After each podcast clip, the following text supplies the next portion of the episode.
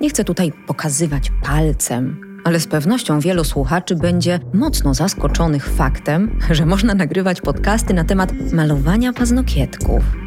A jednak można. I co więcej, pokażę Ci jak na dłoni, że branża beauty, którą się zajmuję, jest naprawdę szalenie ciekawa. Nazywam się Paulina Pastuszak. Jestem instruktorką stylizacji paznokci, zdobywczynią Pucharu Świata w nail arcie, autorką książek i prelegentką branżowych kongresów, choć pewnie i tak bardziej kojarzysz mnie z roli złej policjantki w programie Kosmetyczne Rewolucje. W moich podcastach opowiem o technikach modelowania paznokci, możliwościach biznesowych, najnowszych trendach czy szansach rozwoju osobistego na szeroko pojmowanym rynku usług kosmetycznych. Przy czym gwarantuję, nie będą to bzdury wyssane z palca. Szanowni słuchacze, uwierzcie mi proszę, że w momencie, kiedy trzeci dzień z rzędu budzimy się z tragiczną migreną i wiemy, że mamy nagrać podcast, to tak naprawdę jedynym naszym marzeniem jest zaproszenie do studia gościa, któremu wystarczy rzucić hasełko, rzucić temat i my wiemy, że ten gość będzie mówił, mówił i mówił. A ponieważ, jak powszechnie wiadomo, marzenia należy spełniać, to moim gościem dzisiaj jest Olga Kozierowska, dziennikarka, społeczna działaczka, mówczyni, pisarka, aktorka teatralna, ale dla mnie przede wszystkim założycielka Fundacji Sukcesu Pisanego Szminką. Kochani, bardzo serdecznie zapraszam Was do tego monologu. Olga. Co? Bo ja mam kłopot. Bo ja mam kłopot, bo wiem, że mamy tylko tak naprawdę maks godzinkę. Po godzince nas wyrzucą z tego studia, a tematów do poruszenia jest cała długa lista. I zastanawiam Dlatego się też... powinnaś mnie zaprosić kilka razy. Dobrze. Nie, okej, to właściwie rozwiązuje temat. Dobrze. To może dzisiaj poruszymy tylko jeden aspekt, przynajmniej na początku, bo wiem, że na jednym się nie skończy. Nie wierzę w to, że utrzymamy się w tych jednych torach. Jakbyś miała opisać, tak w kilku słowach na początek, kondycję polskiej bizneswoman w kontekście pewności siebie i jej nastawienia do rzeczywistości i sposobu postrzegania siebie w tej biznesowej rzeczywistości, to co na pierwszy plan się wysuwa? Jaki rodzaj kobiety? Ja wiem, że nie chcemy generalizować, absolutnie, bo to by było krzywdzące, ale mając taką krzywą Gaussa chociażby, to jak wygląda ta polska przedsiębiorczyni teraz? Wiesz co, no na pewno ma ambicje. O, Ma bardzo duże ambicje. Coraz lepiej się porusza w takich, mm, nazwałabym to, aspektach finansowych, e, czyli nie tylko już korzysta z własnych pieniędzy, żeby biznes stworzyć, czy też żeby go rozwijać, nie tylko, nie wiem, no, skorzysta z kredytu, ale coraz częściej korzysta także z pieniędzy tak zwanych funduszy, czyli funduszy ventures, czy też aniołów, co jest pewną zmianą. Więc jeżeli miałabym zacząć od tej takiej twardej strony. Natomiast to, co charakteryzuje większość Polek, które poznałam, miałam okazję szkolić, miałam okazję prowadzić im mentoring i to, czego też dowiedziałam się o przedsiębiorczyniach podczas pandemii, szczególnie lockdownu, kiedy to sama osobiście prowadziłam takie telefoniczne czy też na Zoomie coachingi, oczywiście pro bono to, no to powiedziałabym, że bardzo kuleje poczucie własnej wartości. I to poczucie własnej wartości przekłada się na pewność siebie, na odważne decyzje, na próbowanie rzeczy nowych. A dzisiaj, jeżeli chcemy przetrwać i chcemy w kryzysie zobaczyć możliwości, no to my musimy przede wszystkim być elastyczni i otwarci na adaptację. I to był największy problem akurat tego czasu lockdownu i to najczęściej słyszałam, pani Olgo, nie da się, pani Olgo, pani się nie zna na moim biznesie, mój biznes jest z małego miasta albo z takiego miasta, a u nas to tacy są, a tacy nie są. Mój biznes jest specyficzny, to w ogóle O, jak tak, słyszałam tylko, tak. że jest specyficzny, to już się w duchu gdzieś tam trochę sarkastycznie uśmiechałam. Dlaczego sarkastycznie? Dlatego, że w każdym biznesie się da. I największą przeszkodą jest nasz mindset, czyli nastawienie do tego, czy podejmę próbę, czy nie podejmę. Bo dla mnie kryzys, ja w ogóle kocham rozkładać słowa na czynniki pierwsze.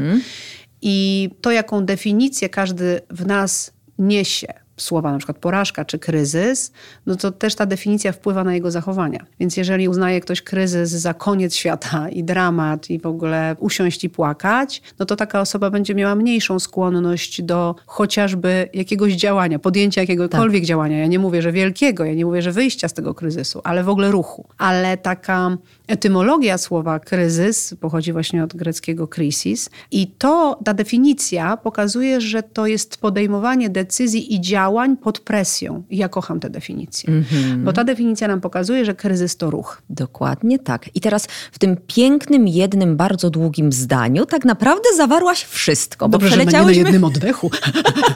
przeleciałyśmy w tym jednym zdaniu przez pełne spektrum tematów, które gdzieś tam miałam rzeczywiście na dzisiaj przygotowane. A jakbyśmy zaczęły od początku, od genezy. Ta średnia, kiepska, nisko osadzona pewność siebie. Z czego u nas wynika? No wiemy doskonale z czego, ale powiedz to proszę tak, ładnie. Powiem jeszcze raz tak, z czego. Tak. No, przede wszystkim z wychowania mhm. i to jest pierwszy moment, kiedy kreuje się nasze poczucie własnej wartości, to jest dom rodzinny. I niektórzy wychodzą z tego domu z poczuciem sprawczości i że tak, mam wartość, uda mi się z taką odwagą do tego, żeby próbować, a inni wychodzą z poczuciem jestem do dupy, mhm. więc po co będę próbować? Bo jeżeli słyszę to od mamy albo od taty, i szczególnie tutaj mówię o takich pokoleniach, które, no naszym chociażby, gdzie jednak no nie było tej wiedzy psychologicznej, nie było tych wszystkich programów, instagramerek, mhm. influencerów, influencerek, mówiących o tym, jak dzieci traktować, mówiących o tym, że najważniejsze to dać dziecku bezgraniczną miłość i akceptację, no to może byłoby inaczej. Ale myślę, że pomimo tego, że ta wiedza istnieje, nadal wychodzą z domu dzieci po prostu, które mają poczucie, że mają wiele w ręce, bo dzisiaj mamy rodziców, którzy są takimi mewami latającymi mhm. nad tym dzieckiem i to dziecko ma poczucie, że nie może samo zdecydować o niczym. I to też jest źle. Więc to jest ten pierwszy moment. Tak. Bardzo piękny mem, bo to nawet głupi mem był. Znaczy głupi, nie głupi. Widziałam ostatnio, gdzie na obrazku było napisane, że jak powiesz dziecku, że przychodzi wróżka zębuszka, to uwierzy. Jak powiesz, że przychodzi święty Mikołaj, to też uwierzy. Jak powiesz mu, że jest głupie i nie potrafi czegoś zrobić, też to też uwierzy. I to jest straszne. I to tak naprawdę w jednym zdaniu zawarta jest ten cały mechanizm, który sprawia, że kobiety w naszej branży w paznokciowej, ja będę mówić tutaj za siebie, tak. bo tę branżę znam doskonale, tak słabo, tak słabo są w stanie iść do przodu, często nie są w stanie iść do przodu, bardzo często się wahają, nie potrafią podjąć ważnych męskich, męskich decyzji. Czemu mówimy męska decyzja? To jest swoją drogą paskudne. Nie potrafią zdecydować się na to, żeby otworzyć własny biznes albo pójść o krok do przodu ze swoim, czyli zatrudnić pracowników, czyli może pójść ewentualnie w innym kierunku, zostać instruktorem, dystrybutorem i tak dalej, ponieważ cały czas one czują się ograniczone, że one nie są dość dobre, że one nawet tych paznokci nie potrafią robić w odpowiedni sposób, bo tu widać skórkę. Pani Paulino, proszę zobaczyć to zdjęcie. Niby jestem zadowolona z tej pracy, ale tu jest skórka i ta skórka mi się nie podoba. A na Instagramie widziałam, że robią to zdecydowanie ładniej niż ja. W związku z tym ja się do niczego nie nadaję. Ja jestem beznadziejna beznadziejna, więc jak ja mogę się wyżej cenić? I koło się zamyka. Jestem beznadziejna, cenię się nisko, nie zarabiam dużo, zarabiam mało, nie przynoszę dość kasy do domu, jestem kiepska i tak w koło Macieju. No tak, no my tak trochę to, co powiedziałaś, najpierw słyszymy gdzieś i zaczynamy wierzyć, a potem mówimy sobie same mhm. i koło się zamyka. Bo jak my z tego domu wyciągniemy to przekonanie, że jesteśmy do dupy, to to jest taki, można by taką metaforę zastosować, że to jest jak takie ziarno chwastu. Mhm. To jest taki mlecz. Mhm. I potem idziemy do szkoły i nasza uwaga jest skierowana na potwierdzenie tego, że jesteśmy do dupy. Czyli chwast się rozrasta. Więc w szkole, na przykład, nie wiem, właśnie z Twojej branży, powiedzmy, że trzeba mieć też jakiś dryk artystyczny. No to pani na plastyce mówiła, że nie, że beznadzieja i dostawałaś truje, tak? No to sobie myślałaś, no tak, matka mówiła, że nie mam talentów artystycznych, pani od plastyki to potwierdza. Tak. I potem idziemy dalej i nawet w dorosłym życiu po prostu szukamy potwierdzenia, że tak, że się do czegoś nie nadajemy. Więc ja bym teraz chciała rozebrać na czynniki pierwsze słowo nadawać się. Mm-hmm. Bo to jest takie kolejne słowo i to jest taki kolejny wytrych. Nie nadaje się. Mm-hmm. I mam dyspensę, żeby nie próbować. I teraz uwaga, w definicji słowa nadaje się mieści się kilka słów. Pierwsze, być odpowiednim do.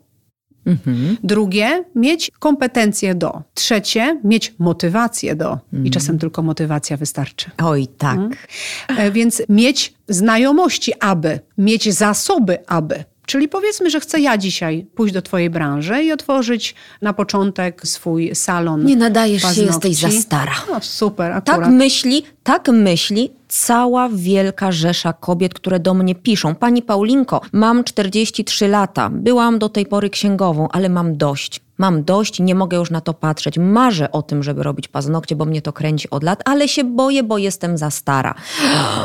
No nie, ja mam 45 lat, właśnie zmieniam po raz kolejny swoje życie. I to jest znowu mindset, tak? No jak sobie wmówisz, że, jesteś za stara i w to uwierzysz, no to nic nie zrobisz. Dodatkowo zastanów się, czy nie mówisz sobie albo do innych nie powtarzasz słowa, czy też zdania jestem za stara, bo chcesz sobie dać dyspensę na to, żeby nie spróbować. Tak, tak. To jest kolejna rzecz i to pytanie do ciebie, do tej osoby, która twierdzi, że jest za stara. No i trzecia rzecz, jakby myślisz, że jesteś za stara, to poszukaj faktów na to, że jesteś za stara. Czy jak masz 45, 40, 50, 65 lat, no to czy jesteś za stara, jeżeli, nie wiem, nie ma tak zwanych przeciwności, bo jak masz słaby wzrok, no to możesz Tak. okulary To założyć. jest dokładnie, przepraszam, to jest jedyna rzecz, jedyny argument, mój kontrargument właściwie, którego używam na tego typu sformułowania. Jestem za stara. Mówię, okej, powiedz mi tylko, czy dobrze widzisz z bliska, czy masz dobre okulary. Jeśli masz dobre okulary, to nie ma problemu. Jeśli nie masz trzęsących się rąk, nie ma problemu. Cała reszta wymówek w ogóle mnie nie interesuje i koniec tematu. Czyli mamy tylko dwa fakty. Jeżeli Tak. trzęsą ci się ręce i jeżeli masz słaby wzrok, ale na słaby wzrok można poradzić, na trzęsące się ręce też, Też. E, magnezu, potasu pobrać, na oczy okulary założyć, szkła kontaktowe i możesz to robić. I, i oczywiście ja, ja słyszę od kobiet 30-letnich, które skończyły studia, czyli nawet młodszych, no, że pani Olgo, nie, to już jest za późno, żebym ja zmieniła branżę, bo skończyłam, nie wiem, prawo, ale nie chcę tego prawa robić, bo mnie w ogóle kręci zupełnie coś innego, ale wszyscy mówią, że jak skończyłam prawo, to mam iść na prawo. Ja jestem przykładem trochę takiej osoby, która bardzo chciała robić coś innego w życiu i jako dzieci my często wiemy, w czym jesteśmy naprawdę dobrzy. Jakby, jakby mamy pewne predyspozycje. Oczywiście no, trudno stwierdzić, że ktoś będzie budował rakiety, ale chociaż nie, właściwie nie, bo jak buduje mały, no to, to, to, to może go to właśnie kręci i będzie kręciło w dorosłości. I też przez takie właśnie no, wychowanie mocne i przez takie wchodzenie już rodziców z takimi buciorami w nasze decyzje, ponieważ nasze decyzje się nie liczą, bo jesteśmy mali, no to właśnie wybieramy po wartościach rodowych, czyli u nas w rodzinie wszyscy muszą mieć wyższe wykształcenie. Jak ty chcesz na stolarza albo paznokcie będziesz robiła, no ciebie po tam, tam, Tak, tam, tak, tak. prawda? Albo właśnie u nas w rodzinie od pokoleń wszyscy są szewcami, więc jak teraz na prawo będziesz szedł, jak tu cała firma czeka na ciebie po tatusiu, prawda? A, a komu ja tę firmę zostawię? Albo, tak jak było w moim przypadku, artystką chcesz zostać? Artyści to, to, to alkoholicy i prostytutki. No, to, to, I ty masz iść na studia na Uniwerek Warszawski na zarządzanie i marketing, bo z tego będą pieniądze. To były lata tam, nie wiem, 96 rok w moim przypadku, to to wiesz, to pierwszy taki kierunek w ogóle hot, hot, hot i wszyscy potem menedżerami się stawali. Jak z koziej dupy trąba, to trzeba było doświadczenie zdobyć, żeby zarządzać czymkolwiek. Tak. Nawet sobą. Przede wszystkim chyba Tak. nawet sobą. Więc no, jakby ta cała otoczka, która nam gdzieś towarzyszy, wpływa na nasze wybory i ktoś inny na przykład szyje, czy tam nie szyje, a pisze nasz scenariusz, znaczy właściwie scenariusz naszego życia. I nawet jeżeli tak właśnie jest w Twoim przypadku, czyli mówię tutaj do jakiejś słuchaczki, no to Ty dzisiaj jesteś jedyną osobą, która może to zmienić. No właśnie, bo mamy genezę, mamy diagnozę. To co w takim razie z tym zrobić na tym etapie? Jak już jesteśmy dorosłe, ukształtowane, mamy pewien bagaż doświadczeń, już nie da się tego człowieka tak ulepić od zera na nowo, ale można coś zmienić, nie? No po pierwsze można zmienić swoje życie, tak? Można zaczynać się od podjęcia decyzji. Pierwsza rzecz to w ogóle odpowiedzieć sobie na pytanie, czego ja nie chcę. Zanim jeszcze zdecydujemy, czego chcemy. Dobre, faktycznie. Czego ja nie chcę? Powiedzmy, że jeżeli zastanawiam się nad swoim życiem tylko zawodowym, weźmy ten wycinek, tak? To czego ja nie chcę, w jaki sposób ja nie chcę pracować, z jakimi ludźmi ja nie chcę pracować, w jakim formacie, formie ja nie chcę pracować, czy chcę być sobie panią, czy nie chcę, czy chcę pracować w zespole i tak dalej, i tak dalej. Czego nie chcę, a następnie czego chcę. I błąd wielu ludzi, którym się marzy zmiana, polega na tym, że oni w ogóle nie odrabiają pracy domowej pod tytułem ja. Oni nie siadają i nie zastanowią się, dobra, to teraz Ola, ja ze sobą siadam i mówię, dobra Ola, to my teraz sobie pogadamy, żebym ja wiedziała, co ty dziś, dziś na twoim etapie życia chcesz, czego nie chcesz, jakie posiadasz zasoby, jakie możliwości jakie kontakty, jakby żeby zbudować sobie taką mapę trochę, czy też sieć, w jaki sposób ja mogę operować, z czego mogę skorzystać. I jeżeli jest coś, co lubię robić, to na 100% będą z tego pieniądze. Jakby mogę wam powiedzieć, jakby ja 13 lat robię w branży, w takim sensie w biznesie, w doradztwie biznesowym, patrzę jak się biznesy rozwijają, jak dziewczyny tworzą swoje maleńkie firemki, które potem się rozrastają na firmy światowe. Sama jestem bizneswoman, sama co chwilę robię coś nowego i jeżeli jest coś, co lubisz robić, to nawet nie zauważysz, jak zaczniesz zarabiać. Bo po pierwsze, ludzie będą do ciebie przychodzić, dlatego że będą czuli energetycznie, że sprawia ci to przyjemność. Tak jest. Bo to czuć naprawdę z daleka. Więc to jest pierwsza rzecz. Druga rzecz, jak będziesz to lubić robić, to będziesz się chciała w tym rozwijać. Czyli co chwila będziesz lepsza i będziesz się z tym po prostu czuła coraz lepiej. No bo będziesz lepszą wersją profesjonalistki każdego dnia. Jednocześnie pamiętając o tym, to już tylko zaznaczę dla perfekcjonistek, że jeżeli Oj, zaczynasz tak. coś robić, to było pięknie napisane w książce Droga artysty, bo to, to też jest artystyczna dziedzina. Oczywiście. Żeby jak zaczynasz nowe, to pierwsza rzecz, którą sobie napisz na kartce, przyklej na czole, nie wiem, zrób sobie tatuaż, że nie muszę być jutro mistrzem świata. I to jest straszliwy problem. Naprawdę. Mam bardzo fajną grupę na Facebooku. W tym momencie 20, chyba 5 tysięcy użytkowniczek. Tak, tam regularnie się udziela. Na fajnym, wysokim poziomie. Nie ma gównobórz, nie ma przepychanek. Naprawdę dziewczyny się wspierają, wymieniamy się wiedzą, ale wielki problem stanowi to, że wchodzi dziewczyna, pisze, że skończyła ostatni kurs jakoś trzy miesiące temu i nadal paznokcie ładne jej nie wychodzą i nadal jest z siebie niezadowolona i pyta, a kiedy wy uzyskałyście taki stopień satysfakcji, że podobała wam się wasza praca? I tam dziewczyny piszą po dwóch latach, po trzech, po czterech miesiącach, a ja wpadam cała w czerni i mówię, ja po dziesięciu latach. Ja po dziesięciu latach mogę powiedzieć, ja sama byłam względnie zadowolona z mojego poziomu, co nie oznacza, że przez te dziesięć lat nisko się ceniłam albo chodziłam jakaś sfrustrowana. Ja po prostu wiedziałam, że czas mogę pójść krok dalej, dalej, dalej, mogę być coraz lepsza, ale nie był to jakiś ciężar, który nosiłam na swoich barkach. Ja po prostu uznałam, że to jest naturalny proces mojego rozwoju. No więc to jest istotne, żeby sobie to naprawdę wydziergać albo wytatuować, że jak zaczynam nowe, to jutro mam być tylko trochę lepsza od tego, co dzisiaj wykonałam. I przede wszystkim od siebie, a niekoniecznie no porównując tego, się właśnie, bo, bo zbyt często dziewczyny patrzą na to, co wykonała konkurencja, koleżanka, co wykonał Facebook, co wykonał Instagram. Za często porównują się z innymi. Owszem, benchmark jest ok, ale dopiero wydaje mi się na pewnym etapie. Ja w ogóle uważam, że oglądanie się na innych i porównywanie się to jest strata energii. Mhm. Bo po pierwsze, żeby się porównać, trzeba gdzieś wejść, coś obejrzeć.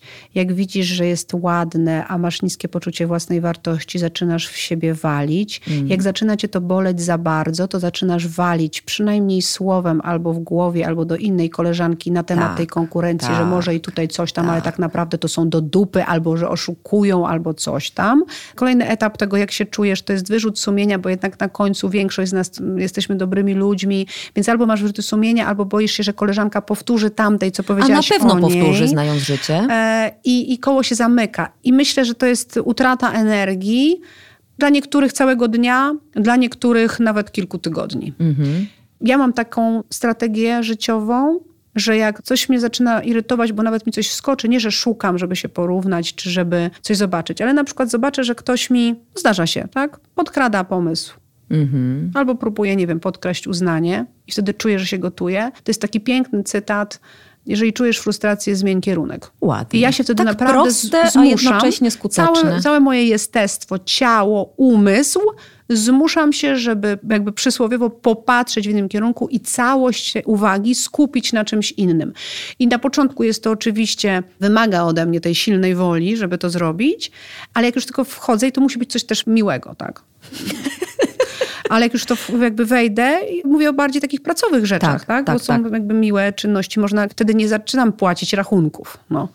Ale na przykład zaczynam coś pisać, albo, albo przeglądać, albo nie wiem, śpiewać. U nas malowanie wzorów, coś, tak? malowanie tipsów no działa cudownie, odprężająco, relaksująco. Dlatego, dlatego zdecydowanie zmień kierunek i wektor na ciebie. Mhm. To jest naprawdę najważniejsza rzecz, cały czas wektor na ciebie. I ja nie mówię tutaj znowu, ktoś powie, przecież to jest grzech być egoistką.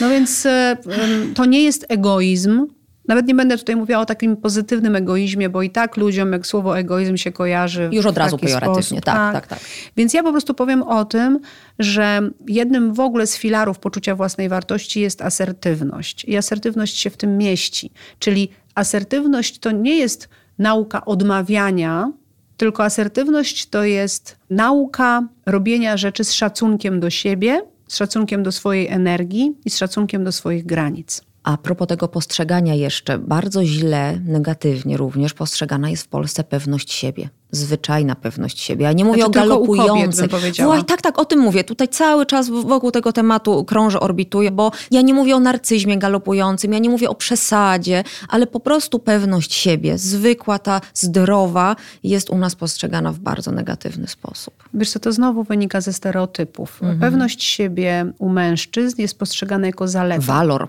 Pewnie. Pewność, i mówię teraz o badaniach, mhm. Mm, pewność siebie u kobiet jest postrzegana jako agresja. Tak. I teraz tak oceniają to też kobiety, ale to jest też taka nauka dla nas, że jeżeli spotykamy się z kimś, kto ma niskie poczucie własnej wartości, no to będzie tak nas oceniał i tak reagował. Jakby jak spotkamy kogoś, kto ma poczucie wartości wysoko uplasowane, to będzie to odbierał jako zaletę czy u mężczyzny, czy u kobiety. Tu zresztą w tym studio y, kilka dni temu ja robiłam wywiad z kilkoma paniami. Co prawda było o sztucznej inteligencji, ale jedna z pań podała słowa, jakie od lat w literaturze kojarzą się pozytywnie z kobietami, a jakie z mężczyznami. I teraz przytoczę, bo to po prostu jest... Mm, siądę głębiej. E, tak, siądź głębiej, no bo mamy XXI wiek. No, ja cię kręcę. No, jesteśmy na rynku pracy tak porządnie od II wojny światowej. Niczego Oj, nam tak. kurde nie brakuje. I teraz Zwłaszcza uważaj, po II wojnie światowej przecież. I teraz uważaj. W słowach, które określają nas pozytywnie nie ma nic, co dotyczy biznesu, co dotyczy jakby naszej mocy. Jest tylko piękna, ładna. Zobacz, jest piękna, ładna, zdolna do rozrodu, to jakieś inne było słowo, ale generalnie no to płodna. bardzo na czasie. O, płodna, Płod. płodna. To tak? idealnie, idealnie tak? teraz. I skromna. Tak, ja bym dodała jeszcze, pewnie tego nie ma, ale ja uwielbiam słowo pokorna. Ja słyszę o tym, że powinnam być bardziej pokorna, średnio kilka razy w miesiącu i nóż mi się w kieszeni otwiera, ponieważ... A od kogo to słyszysz? No jak to? No od pań, które gdzieś tam wokół tego biznesu się kręcą, otwierają swoje gabinety, może już nawet prowadzą. Wymieniamy się opiniami. Ja twierdzę, że na przykład pilnika nie należy używać tak, należy używać inaczej, a one twierdzą, że ja powinna być bardziej pokorna.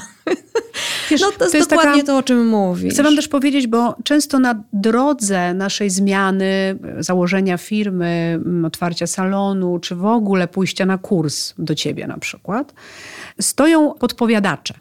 Mhm. Bo jak my się boimy, to my szukamy trochę wsparcia. Potwierdzenia tego strachu. Nawet nie. Jak się boimy, to my jednak chcemy, żeby ktoś powiedział, dasz a radę. w tym sensie, a tak, okej. Okay. Tak. Nie, to ja mam wrażenie, że raczej dziewczyny otaczają się często takimi osobami, które też nie do końca właśnie chcą ich wspierać. Z tym mam problem u mnie w branży, że mąż nie pomaga, mąż nie wierzy, mama mówi tego nie rób, ojciec w ogóle nie do końca. I dziewczyny czują się poniekąd dobrze, bo mają uzasadnienie i usprawiedliwienie, że nie idą dalej. To piszcie do mnie, ja będę o. tym takim aniołem, który was będzie z tej skały pchał, bo wy wszystkie macie skrzydła, nawet ostatnio popełniłam taki wierszyk, y, z którego powstała piosenka, gdzie właśnie na, na, bazie tego, o czym rozmawiamy, tak? że jakby to jest cała historia takich kobiet, że kiedy stoisz nad urwiskiem, chcesz polecieć, lecz się boisz, pomyśl, że tak mamy wszystkie, sama tam nie stoisz. No i jakie piękne. I um, przecież uskrzydlone, a bez wiary. I to jest właśnie to, żebyś leć, po prostu leć. I ja ci będę pisała leć. I nie potrzebujesz naprawdę nikogo bliskiego do tego. Ja ci wystarczę, albo Paulina. Mhm. Bo ja mam taką receptę na te wszystkie osoby, mężów, mamy, pseudoprzyjaciółki, czy Oj, nawet zwłaszcza. przyjaciółki, tak. ale nawet to są nawet przyjaciółki. Jeżeli ty przychodzisz, Paula, do mnie i mhm. mówisz, Ola, słuchaj, ja od jutra zakładam biuro podróży. Mhm. No i ja znam twoją sytuację biznesową, wiem, że się super rozwijasz w branży kosmetycznej, no więc ja ci mówię, no Paula, no powaliło ciebie, no co ty teraz będziesz, i co z twoim tak. biznesem? Przecież to super prosperuje. No. Teraz przecież jest COVID, no branża no. turystyczna cierpi, więc wrzucam ci małpy różnego rodzaju strachy na głowę. Nie będziesz miała z czego żyć. I jeszcze jak zaczniesz zajmować się nowym biznesem, to ucierpi twój stary. Zobaczysz, nie będziesz miał do czego wrócić. Po prostu pełne bankructwo, umrzesz z głodu pod mostem. I teraz, o czym jest moja historia? Moja historia jest o mnie. Moja historia jest o moich lękach, moja historia jest o moich decyzjach. Czyli gdybym ja była Pauliną i miała taką firmę, nigdy w życiu nie pomyślałabym o branży turystycznej, szczególnie, że branży turystycznej nie cierpię i w ogóle to jest głupie podróżować, bo ja tylko jeżdżę nad Morze Bałtyckie. Jakby, więc, pamiętamy, e, pamiętamy tak. jak się poznałyśmy. tak, w namiocie tak, na Kamczatce, tak, tak. w śniegu 20-centymetrowym. Jezu, napisałam o tym, słuchaj, w mojej nowej książce Miłość to czasownik, gdzie sięgają granice poświęcenia z miłości. Oj tak, oj, to musi być bardzo ciekawy fragment. Natomiast wracając do tego, wbijcie sobie do głowy, bo to leczy. To jest po prostu uzdrawiające. Cokolwiek ktoś do ciebie mówi, to jest to historia o nim, a nie o tobie, albo o niej, a nie o tobie. Więc możesz sobie wtedy pomyśleć, lęki. oj, widzę, że Olga nie lubi branży turystycznej, mhm. widzę, że Olga bałaby się coś takiego zrobić, ale ty tego nie musisz stosować. Wszystkie rady, które uzyskujemy, są radami subiektywnymi. A my musimy swojej subiektywnej, bo nie ma czegoś takiego, że mówiąc obiektywnie, pff, tak, gdzie to kurde tak. jest obiektywnie. Więc szukajcie swojej subiektywnej prawdy.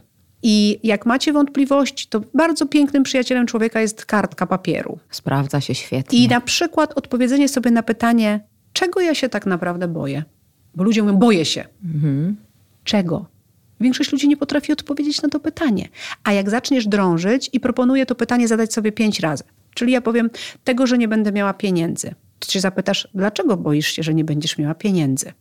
No bo jak nie będę miała pieniędzy, to nie będę mogła zapłacić za kredyt. Tak? Mhm. Dlaczego boisz się, że nie będziesz? Jakby proponuję to pytanie, podrążyć, bo na przykład na końcu okaże się, że nie wiem, no przecież mam męża i w sumie nawet jakbym zarabiała mniej albo teraz przyoszczędziła i przygotowała się na nowy start, no to będę miała na ten kredyt. A na końcu okaże się, że tak naprawdę boję się czego opinii mojego męża, że zacznę nowe. Albo, hmm. albo boję się w ogóle opinii innych ludzi najbardziej.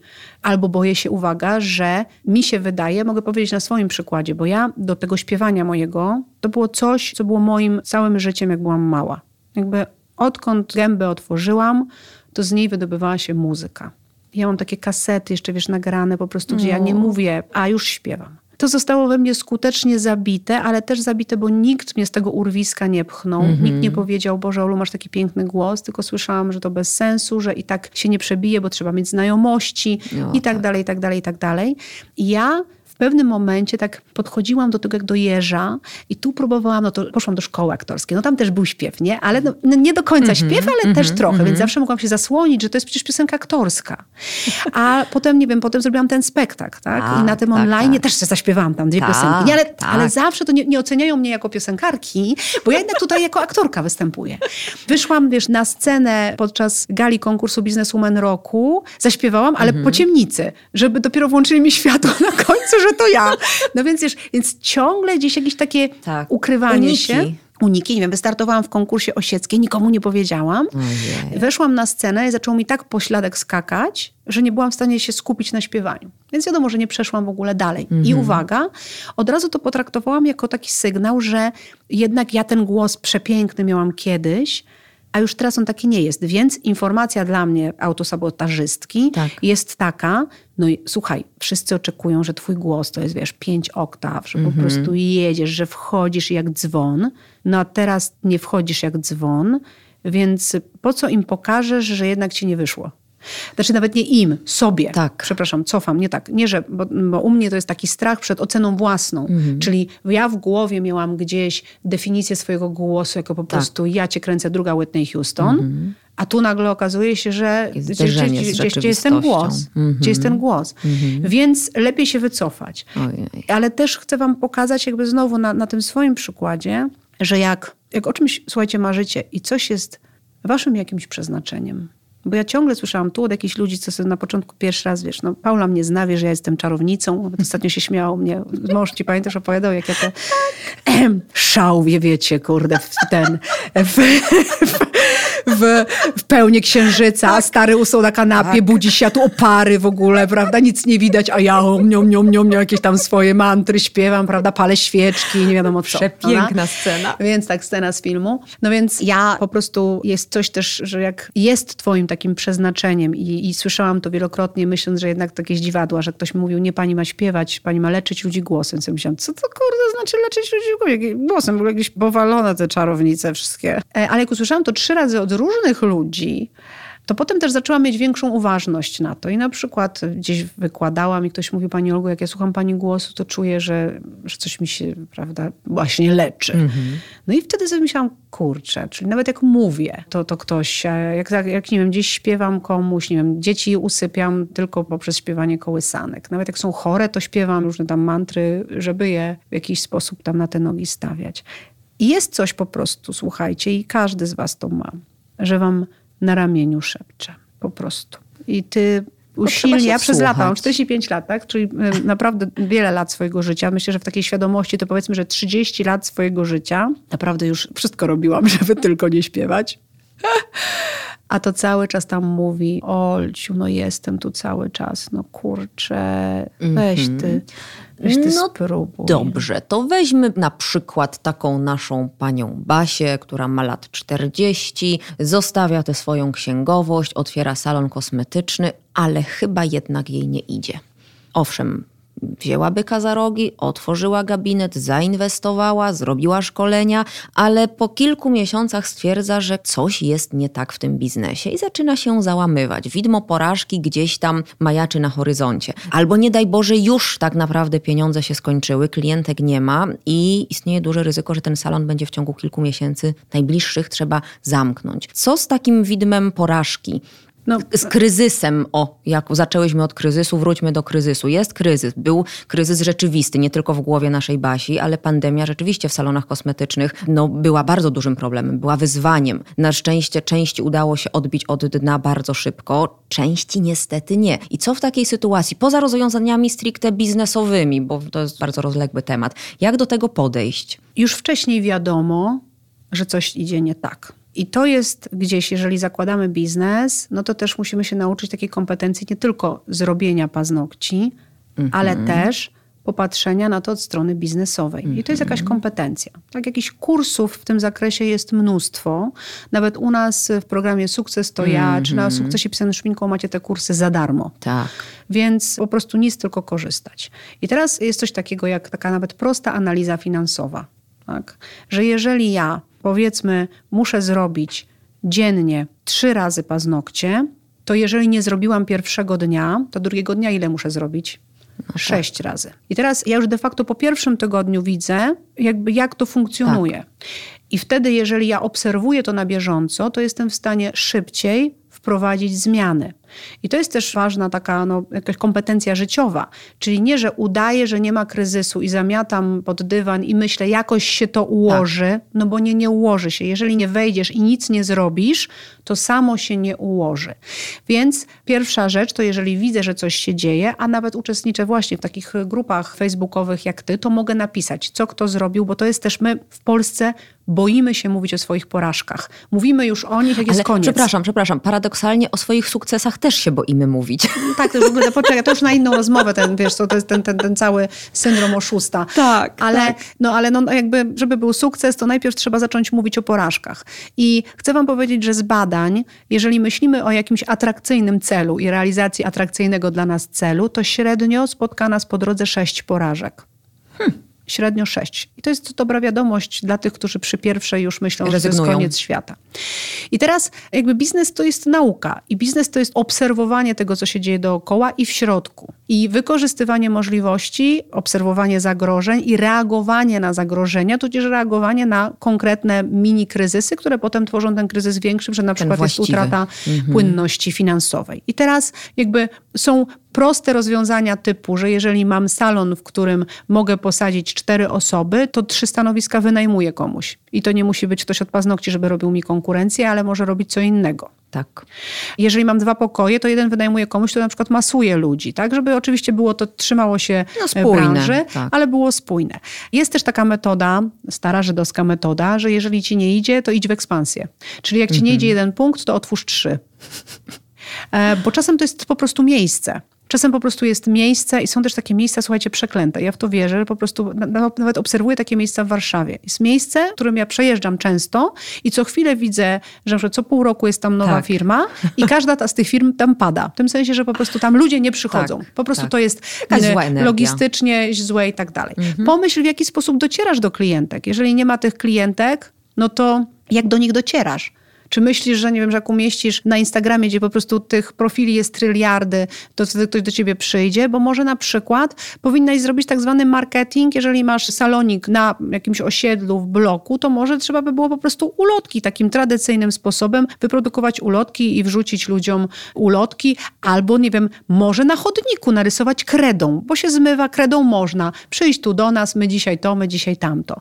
Więc to jest bardzo istotne, żeby też myśleć kreatywnie, że to nie jest jest prowadzenie biznesu to nie jest tylko nauczę się robić paznokcie i będę je robiła super ekstra, bo nawet jak będę robiła je super ekstra i nie będę się promowała, to nikt nie będzie wiedział, że ja robię je super ekstra. Ale wiesz, co jest straszliwym problemem u nas, że o ile mam gigantyczne tłumy chętnych, gigantyczne tłumy dziewczyn zainteresowanych szkoleniami technicznymi, to jeśli chodzi o szkolenia biznesowe, to jest to ułamek, ułamek tej wartości wyjściowej. To jest straszne, że dziewczyny nie czują wagi tematu i nie czują potrzeby doszkalania się w tych kwestiach. Na szkolenia techniczne, jak zrobić ładnego fręcza i jak wypiłować migdał rosyjski, to wydadzą ostatnie pieniądze. Będą walić drzwiami i oknami. Ja to widzę chociażby po sprzedaży mojej akademii online, gdzie szkolenia techniczne przynoszą, no dają cudowne rezultaty, zarówno dla mnie, jak i dla dziewczyn, a z kolei jeśli chodzi o kursy biznesowe, no to tak kupi jedna na dwadzieścia użytkowniczek jeden kurs, bo mówią, że to właściwie nie wiedzą, czy im to potrzebne i nie wiedzą, czy go zrozumieją i nie wiedzą, czy będą potrafiły to wdrożyć i wcielić w życie. No to nie powinno tak być. Tylko jak wyjaśnić dziewczynom, że to jest równie istotny aspekt, jak te ich kompetencje twarde w piłowaniu, żelowaniu, budowaniu masy i tak dalej. No jakby bez tego się nie da. No nie da, ale one tego nie wiedzą. I później przychodzi pandemia i po trzech dniach pojawiły się na facebookowych grupach lamenty, ja już nie mam za co żyć. Trzy dni po zamknięciu salonu one już nie miały za co żyć. No to hello, jak tak można? Wiedza podstawowa biznesowa naprawdę dołączam do ciebie tutaj na te szkolenia.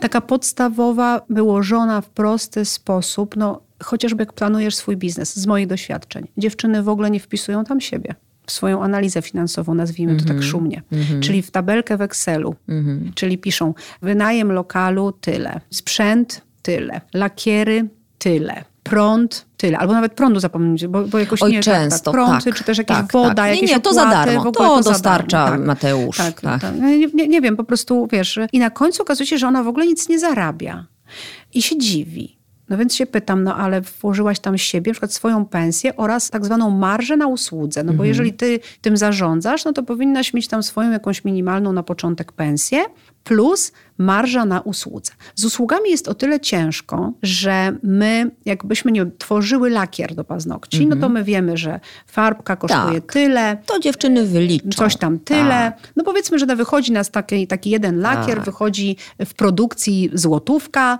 No mm -hmm. więc my wiemy, że jak sprzedamy za złotówkę, to jesteśmy na zero i że tak. przynajmniej według zasad biznesowych powinniśmy tak. nałożyć 20% tak. marży, ale uwaga, na ten nasz produkt też składa się usługa kurierska i logistyczna, mm -hmm. bo na przykład gdzieś musimy trzymać te lakiery, no jeżeli nie jeden sprzedajemy, tylko na przykład tysiąc.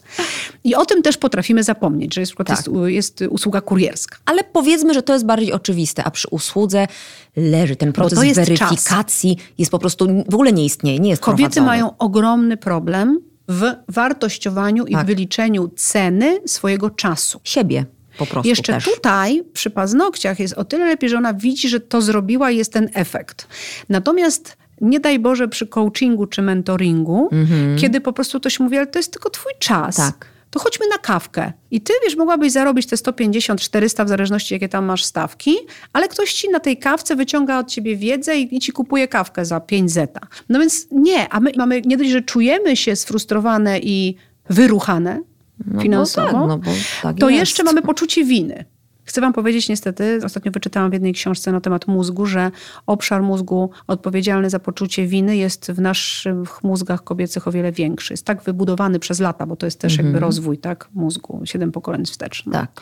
Więc bardzo łatwo mieć wyrzuty sumienia. I teraz, co ja w ogóle proponuję zrobić biznesowo na początku, tak? Żeby ustalić cenę usługi, która mi pokrywa jakby procentowo część kosztów, no bo jeżeli powiedzmy ja muszę 10 zł, to są moje całe koszty miesięczne, pracuję 20 dni w tygodniu, no to ile każdy dzień średnio musi mi przynieść pieniędzy, żebym zapłaciła te 10, czyli wtedy też przetrwam. No ale to żaden biznes tylko przetrwać, jakby powinnam przynajmniej mieć 12 zł, prawda, na ten miesiąc. Teraz to jest ta pierwsza podstawowa rzecz. Druga to są też znajomki.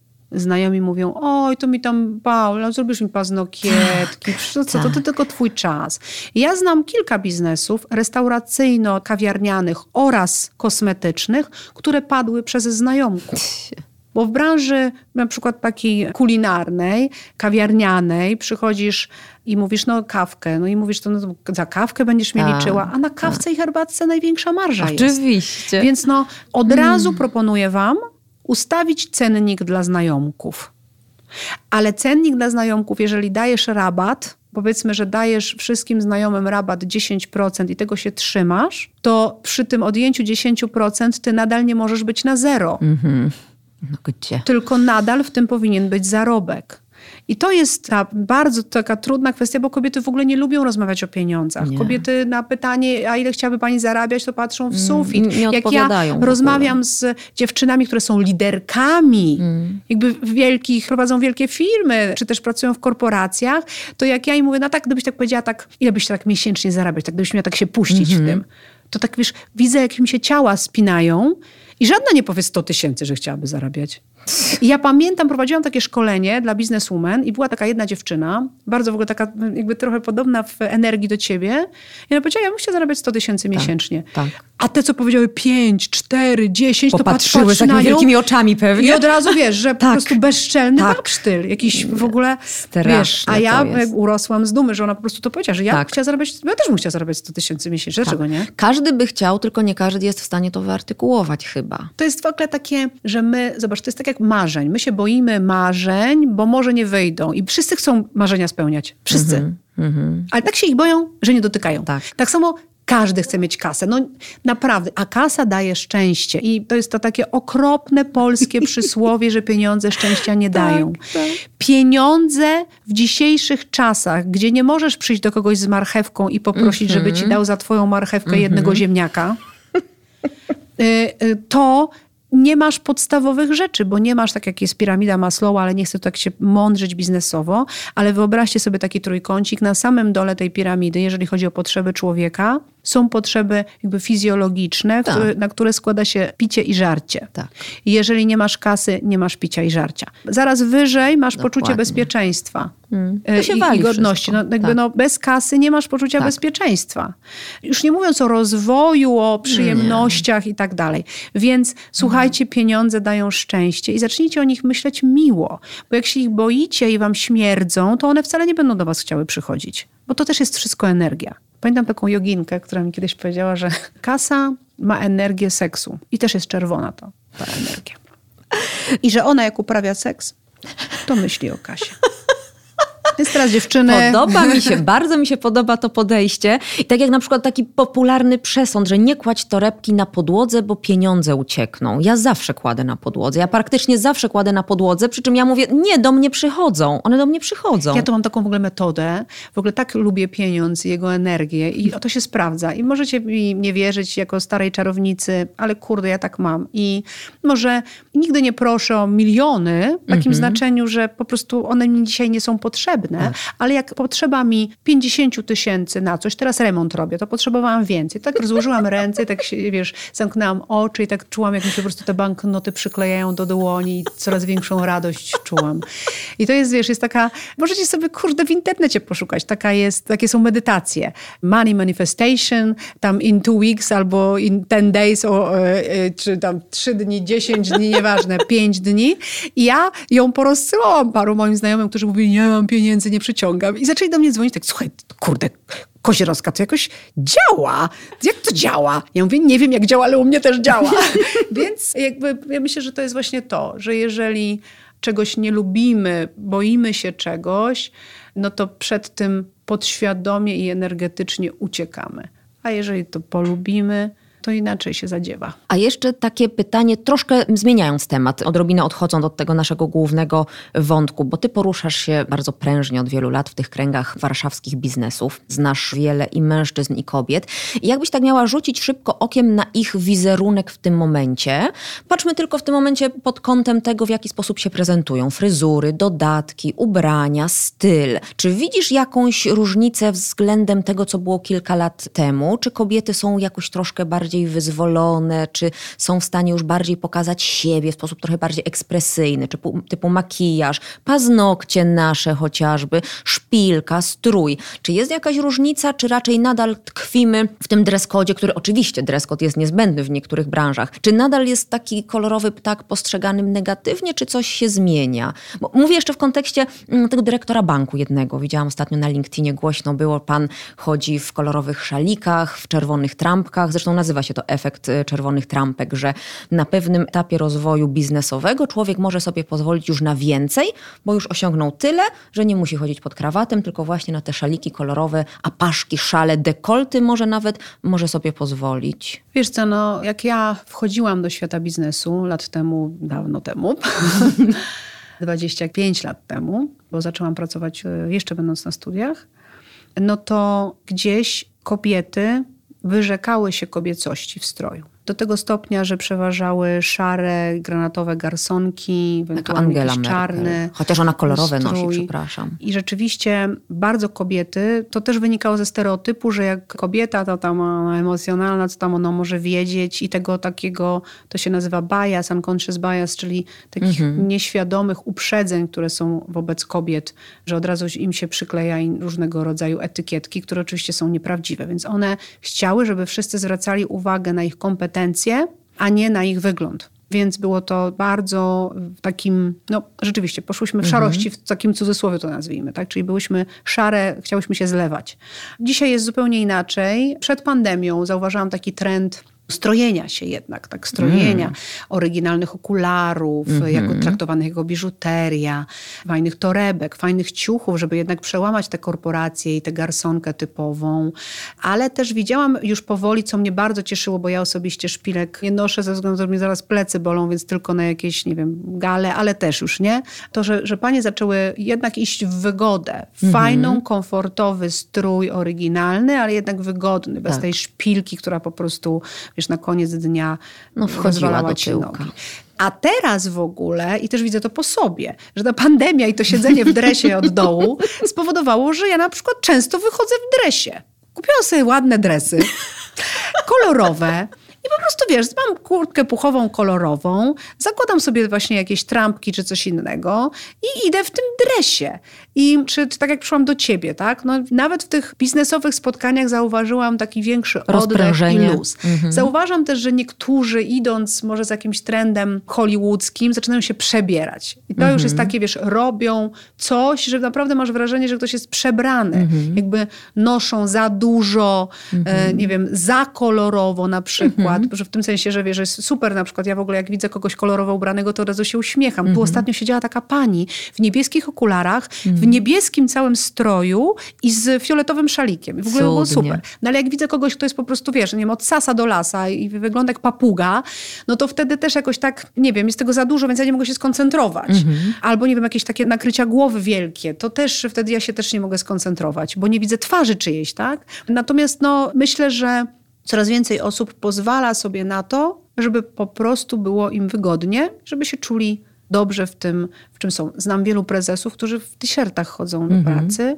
i w ten sposób też dają przyzwolenie, bo to przyzwolenie idzie od góry. Od góry Czyli jeżeli oczywiście. widzimy prezesa, prezeskę, którzy są po prostu, wiesz, to zapięci, mhm. po prostu ten, ten krawat, to aż tam, nie wiem, oczy wybałuszone są, czy też inne jakieś spineczki, no to wtedy też w jakiś sposób nas to mm, czujemy trochę podskórnie, że, że, że, tak, że tam w dresie bym nie przyszło. Tak. Czyli generalnie kolorowe paznokcie obecnie, w tym momencie, nie są jakimś straszliwym przeciwwskazaniem. Nie, ja w ogóle uważam, że kolorowe paznokcie są super, od razu zwracam na nie uwagę. Wiem też z takich badań, dawno je czytałam, bo robiliśmy taki w ogóle dress code biznesowy, coś tam, że mężczyźni w ogóle podziwiają paznokcie. I, uwiel- o, i tak, tak, i uwielbiają czerwone paznokcie, Oj, nawet w biznesie. Tak, tak, tak. Oczywiście no jedynym miejscem, gdzie nie możesz mieć nadal pomalowanych paznokci, aczkolwiek nie wiem dlaczego, bo ja jestem eks-skrzypaczką, no to właśnie grasz na skrzypcach albo wiolonczeli. Tego nie rozumiem, że tam jest tak wiesz zawsze, że te, bo te paznokcie są oczywiście mega krótkie, tak? Króciutkie muszą być, e, tak. No ale dlaczego miałyby nie być pomalowane, tego nie wiem. Natomiast sama się po prostu też lepiej czuję. Wiesz, jak mam taki właśnie wektor na siebie, to idę albo też zrobić włosy, ale też paznokcie i wtedy zawsze sobie walę czerwony kolor, żeby było mi lepiej. To ja w tym momencie mam dla ciebie, Olga, propozycję nie do odrzucenia. Kończymy i idziemy na górę. Aha. na czerwone paznokcie. Na czerwonego paznokcia z jakimś ładnym rysunkiem. Nawet wiem jakim. Mam pomysł na rysunek. no to idziemy. Dziękuję Ci prześlicznie za fantastyczną, cudowną rozmowę, jak zwykle zresztą. To ja dziękuję bardzo. Dziękuję, że znalazłaś czas na wysłuchanie tego podcastu. Daję sobie rękę uciąć, że znasz kogoś, kogo również zainteresują poruszane w nim tematy. Będzie mi bardzo, bardzo miło, jeśli podasz mu pomocną dłoń i udostępnisz ten odcinek.